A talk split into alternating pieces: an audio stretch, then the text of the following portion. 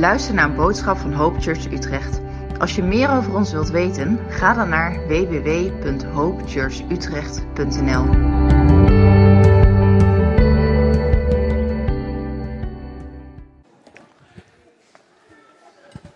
Kerst is, ehm, is een interessant feest. Elk jaar, eh, elk jaar vertellen we dit. En dit wordt al zoveel jaren verteld. Al meer dan 2000 jaar vertellen we dit verhaal. En je zou dus ook wel zeggen dat na 2000 jaar dat we eindelijk wel hebben gesnapt waar het over gaat, toch? Als we zo lang een verhaal keer op keer horen, dan snappen we op een gegeven moment eigenlijk vanzelf toch wel waar het over gaat. Kerst, dat gaat over dat Jezus is geboren, dat hij vrede op aarde kon brengen. Toch? Vrede op aarde. Dat is een thema, als je nu ook om je heen kijkt, is dat wat je eigenlijk overal ook ziet.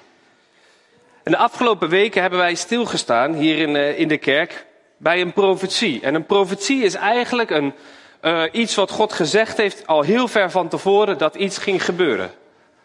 En deze profetie uit Jezaja, bijna duizend jaar voordat Jezus kwam, deze sprak over dat Jezus zou komen. En ik begon die dienst daar al mee en Jezus kreeg daarin vier namen.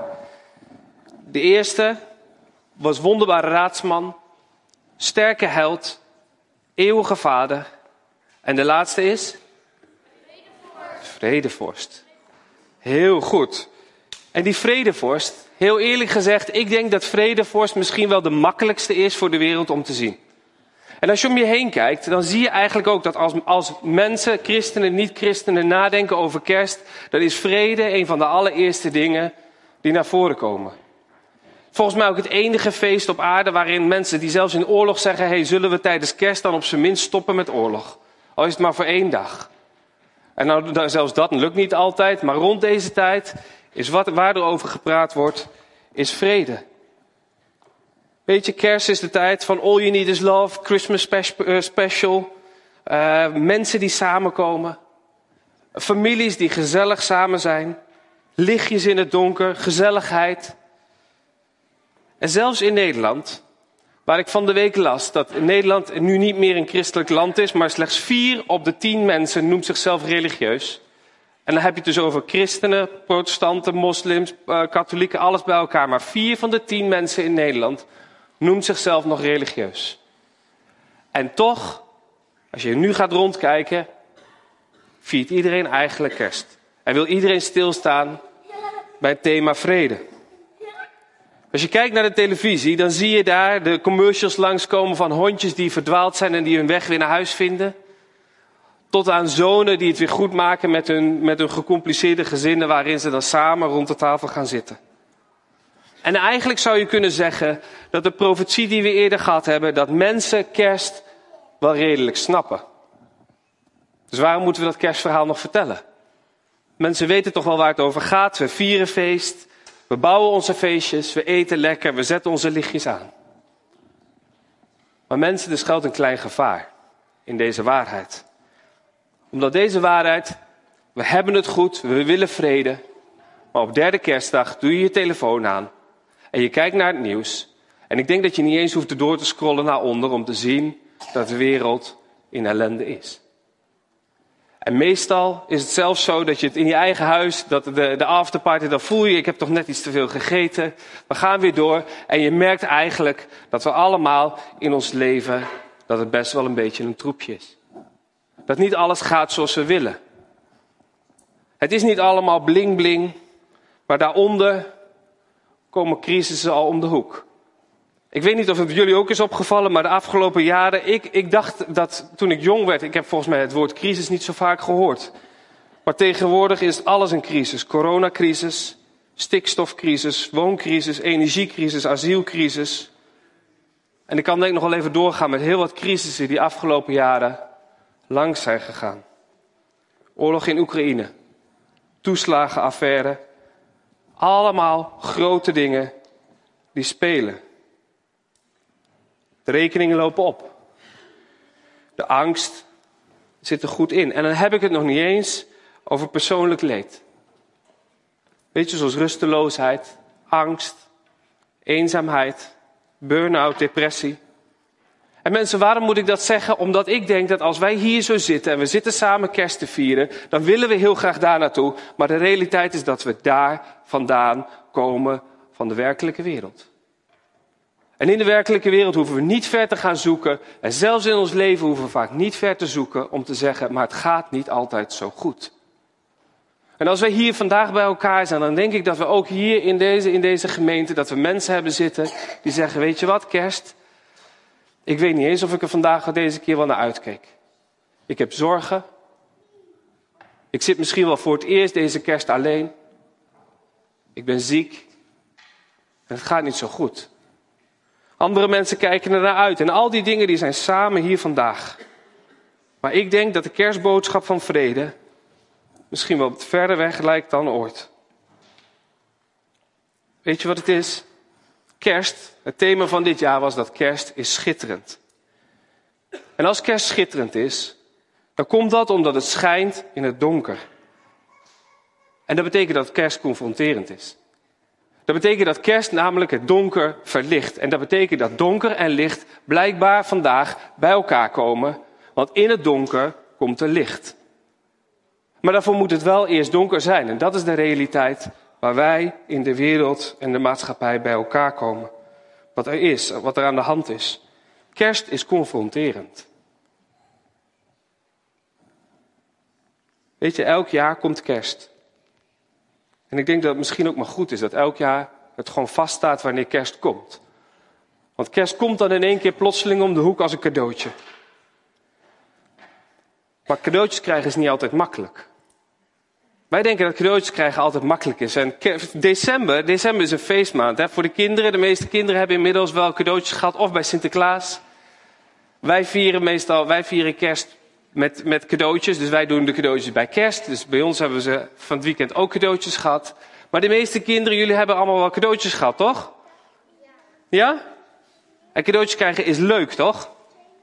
Wat vind je het leukste aan cadeautjes krijgen dan? Dat je er leuk mee kan spelen. Klopt. Ja. Dat je dingen kan uitpakken. Melinda gaat zo ver, ik zal een geheimpje vertellen, die zei, maakt me niet uit wat er onder de kerstboom ligt. Als het er gewoon maar ligt, dan kan ik het openmaken. Dus ik mocht zelfs dit jaar gewoon allerlei onzinnige dingen eronder leggen. Want ze vindt het heerlijk om een rijkelijk gevulde kerstboom te hebben. Is niet waar? Wel waar. Heb vorige week nog tegen me gezegd. Cadeautjes krijgen is leuk. Maar sommige cadeautjes zijn minder leuk om uit te pakken. Stel je toch eens voor dat je van een hele goede vriend een boek krijgt. En dat boek is getiteld Op gezond gewicht komen in 40 dagen. En vervolgens komt er een andere vriend aan en die biedt jou een cursus aan. En de cursus heet Zelfbeheersing kan je leren. Nou, nou wil je die mensen, als je dan gaat zeggen tegen die mensen van wie je dat krijgt, ontzettend bedankt voor dit mooie cadeau, dan zeg je daarmee iets anders. En bedoel je daarmee dus ook iets anders. En de reden waarom ik dit zeg is dat cadeaus krijgen, en zelfs mooie en goede cadeaus krijgen mensen, is niet altijd fijn. Want we kunnen nu allemaal, deze twee waren maar klein, maar we kunnen nu allemaal, als we even rustig de tijd nemen, cadeaus bedrengen die we eigenlijk nodig hebben om te krijgen. Die goed voor je zouden zijn. Maar daarvoor zul je wel eerst moeten beseffen dat je hem nodig hebt en dat dat eigenlijk pijn doet, omdat dat niet zo leuk is, want je kan het zelf niet oplossen. Cadeaus krijgen is niet altijd leuk, maar cadeaus krijgen is wel soms het beste en het mooiste wat er is. Jezaja 9, de tekst waar we de afgelopen tijd mee bezig zijn geweest, zegt niet alleen dat er een kind ons geboren is. Er staat, een zoon is ons gegeven. Jezus en het kerstcadeau waar we het over hebben. Jezus is een cadeau die gekregen is. Elk jaar vieren we dat er een zoon gekomen is naar de aarde. In onze zooi. Gegeven als cadeau voor ons mensen. Wij krijgen een cadeau. Weet je, het cadeau en de boodschap van kerst is dat die vrede, waar we allemaal naar op zoek zijn, het mooie waar we allemaal naar uitreiken, dat we die alleen kunnen krijgen als wij Jezus, het kindje Jezus, aanvaarden als cadeau. Als geschenk van een liefdevolle vader. Als iets dat jij en ik nodig hebben. Want ik kan het zelf niet oplossen. Misschien dat je nog voor een tijdje de vrede in je gezin kan bewaren. Door goede tips en door hulp van buitenaf. Misschien dat je de onrust en de angst wel een beetje buiten de deur kan houden. Door naar therapie te gaan of door oefeningen te doen. Misschien dat je schuld en schaamte over een verslaving of slechte gewoonte even kan onderdrukken. Of kan wegstoppen. Totdat je weer vervalt in oude patronen. Mensen, alle vrede van binnen en vrede rondom je heen is gebaseerd op jouw vrede tussen jou en God. Als het goed is met God, als je vrede hebt met God, als er niks tussen jou en God instaat, als je in je hart de rust hebt en de vrede hebt, dan komt de rust om je heen. Vanochtend las ik een heel mooie tekst. Jezus is geen mens, was geen mens die God werd. Maar Jezus was God die mens werd. Jezus is gekomen zodat er niks meer tussen mij en God instaat. Tussen jou en God instaat. Dat alle schuld en dat alle tekortkomingen door Hem zijn weggenomen. Aan het kruis. Als jij de baby Jezus aanvaardt. Weet je het grootste wonder? Het grootste wonder is dat in elke situatie, dat je met, misschien wel zelfs met tranen in je ogen, dat je de vrede van God alsnog in je hart kan ervaren. Omdat het goed is tussen jou en God. En ik denk dat dat ook is waar de engelen over zongen. Toen ze die herders daar die, tegen de herders, toen ze zongen tegen, hallo. Dat is denk ik wat de engelen zeiden tegen engelen, eh, tegen de herders. Die zeiden, wees niet bang. Want ik kom jullie het goede nieuws brengen. Dat het hele volk met grote vreugde zal vervullen. Vandaag is in de stad van David jullie redder geboren. Hij is de Messias, de Heer. En toen de engelen even later gingen zingen, zeiden ze ere aan God in de hoogste hemel en vrede op aarde voor alle mensen die hij lief heeft. Dat is de schitterende kerstboodschap. Dat is dat als onze onrustige harten, onze harten die ons best doen om het goed te maken, als wij het overgeven en bij Jezus komen, dan krijgen wij een nieuw hart van vrede. Dan krijgen wij het hart van Jezus. En Jezus is altijd bij ons, hoe alleen we ook zijn. Hij is altijd voor ons, ook al hebben we het idee dat er niemand bij ons is. En hij houdt altijd van je, hoe zwak je je ook voelt. Daarom denk ik dat we het nodig hebben om elk jaar weer kerst te vieren. Dat we elk jaar dat vlammetje weer voor ogen zien. Als wij het weer zelf willen oplossen, dat we zeggen nee, wij mogen teruggaan naar baby Jezus. Wij mogen de schittering van Jezus zien. En wij mogen die hoop en die vrede die daar zichtbaar is, die mogen wij vieren. Jezus wil niet, en Jezus wil niet alleen dat dat vlammetje klein blijft. Hij wil zo graag dat dat vlammetje van kerst, dat, dat, geen, dat het geen babytje blijft, maar dat het in ons leven vol wordt. En dat we daarna kunnen uitdelen aan anderen. Weet je, de Heilige Geest wil jou en mij in vuur en vlam zetten. Met deze kerstboodschap. En ik denk dat als wij deze kerstboodschap weer werkelijk gaan zien voor wat het is, dat wij ons gewoon in, mogen overgeven aan baby Jezus, dat wij licht mogen stralen naar de mensen om ons heen. God wil je uitnodigen voor dit feest van kerstfeest. En laten we daarom gewoon lichtjes aandoen. Laten we daarom gaan feest vieren. Laten we daarom zo meteen lekker gaan eten omdat God het waard is. Omdat Hij gekomen is. Want wat in het donker was, daar is licht gekomen. En het schitterende licht, het heeft een naam. Jezus. Wonderbare raadsman. Sterke held.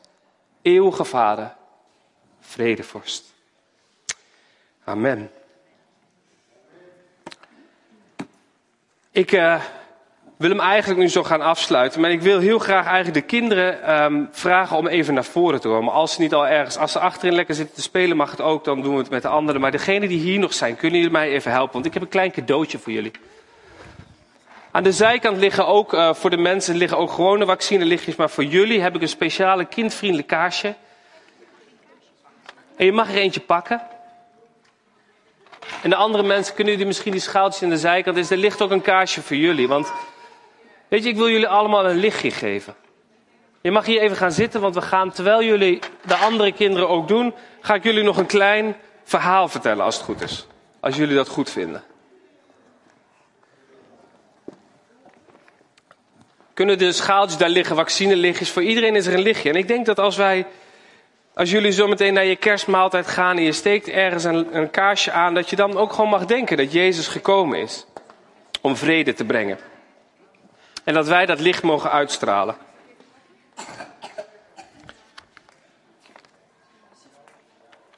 En ik wil graag afsluiten aan. Ik, wil graag een. Uh, oh.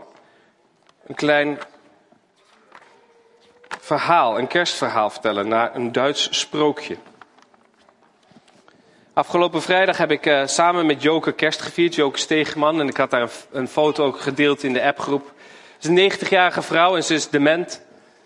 Um, ze zit op een gesloten afdeling omdat ze anders uh, naar buiten wil rennen. En, uh, en het was zo mooi om samen kerst te vieren. We zaten daar met z'n twee aan tafel en ik moet eerlijk zeggen, de eerste drie kwartier was helemaal niet leuk, want ze was heel zagrijnig. Maar na een tijdje ontdooide ze meer. En toen gingen we samen het kerstverhaal lezen en, het kerst, en samen kerstliederen zingen en er gebeurde echt wat. En een van de dingen die ze daar hadden gegeven was dit boekje. En daar staat een heel mooi sprookje in die ik eigenlijk met jullie even wil delen. Mag dat? Mag ik jullie een verhaal vertellen? Die is ook voor jullie hoor, voor iedereen. Er was dus een koning. En die had twee zonen. En hij woonde in een heel groot mooi kasteel met, een groot, uh, met hoge torens. Maar het mooiste van deze uh, kasteel was dat er een hele grote zaal was. En in die grote troonzaal, daar pasten wel 2000 mensen in. En het volk hield van de koning, want hij was goed en hij was rechtvaardig. Maar deze koning, deze koning werd heel oud. En hij voelde dat hij niet meer lang zou leven. En daarom riep hij allebei de zonen bij zich. En hij zei tegen hen: Eén van jullie beiden gaat mij opvolgen. En, jullie, en die mag regeren over het land. Maar ik hou van jullie allebei evenveel. En omdat ik niet weet wie de beste koning kan zijn, ga ik jullie een opdracht geven. En wie deze opdracht het beste doet, die mag koning worden. En de zonen vonden dat wel een goed plan. En zij vroegen, vader, maar wat moeten we dan doen? En de koning zei, kijk, ik geef jullie allemaal één goudstuk. Jullie mogen daarvan iets kopen dat deze grote koningszaal helemaal vult. Tot aan het dak. Er mag geen enkele hoek leeg zijn. En wat je koopt, dat, mag je zelf, dat moet je zelf binnen één dag in deze koningszaal brengen. Ga maar nu erop uit en kies maar wat je wil doen. De oudste zoon die zaalde zijn paard en hij ging naar steden en naar dorpen. En overal ging hij rondkijken om iets te zoeken wat de hele koningszaal zou vullen. Het was helaas een beetje moeilijker dan hij had gedacht. En hij zocht de hele dag zonder iets te vinden. Tegen de avond zag hij een boer die met een wagen volgeladen met stro naar een boerderij reed. En hij volgde de boer en hij zag in een grote schuur van de boerderij dat er al heel veel stro bij elkaar was. En hij dacht, stro is niet duur. Daarmee kan ik vast de zaal van mijn vader helemaal vullen en dan word ik koning. De boer wilde het stro wel verkopen, dus hij verkocht het. En de volgende dag liet de koning zo, eh, toen het licht werd, het stro op grote wagens naar het kasteel brengen. En hij begon in die ochtend, begon die alles vol te gooien in de koningszaal. Maar toen het donker was, toen was het stro op en de zaal was nog maar half gevuld. Doodmoe en teleurgesteld ging de koning zo naar zijn kamer. En de volgende dag liet hij het stro weer wegbrengen, terugbrengen naar de boer. De koning en zijn ministers wachten nu in spanning af op de jongste zoon die was gaan zoeken. Zou hij erin slagen om deze zaal helemaal te vullen? En wat zou hij dan doen? Op de derde dag kwam de jongste zoon terug in het kasteel. En hij had alleen maar één kistje, een houten kistje bij zich. Iedereen vroeg zich nieuwsgierig af wat erin zou zitten. Dat kan toch nooit genoeg zijn om deze hele zaal te vullen? De jongste zoon droeg de kist de lege zaal in en hij deed de deur achter zich op slot. En toen opende hij die kist en haalde een heleboel kleine olielampjes uit. Die had hij voor zijn goudstuk gekocht. En hij zette ze overal in de zaal neer. Op de tafels, op de grond en op de vensterbanken, overal. En toen het s'avonds donker was, ging hij naar zijn vader en hij zei: Ik ben klaar met de opdracht. Wilt u komen kijken om het te zien? En de koning ging met zijn ministers naar de koningszaal. En toen zijn zoon de deuren geopend had, bleven ze verrast staan. De hele zaal was gevuld met het zachte licht van olielampjes. In geen enkel hoek was het donker. De grote zaal was gevuld met licht. En de koning legde zijn handen op de schouders van zijn zoon en zei: Mijn zoon, jij hebt wijs gehandeld en je hebt de opdracht goed gedaan. Jij zult na mij koning worden. En de ministers riepen: Ja, hij zal koning zijn. En de ogen van de koningszoon, die straalden als het licht.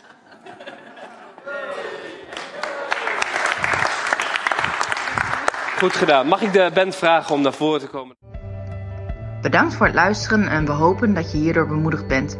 Als je meer wilt weten over Hope Church Utrecht, ga dan naar www.hopechurchutrecht.nl. Tot de volgende keer.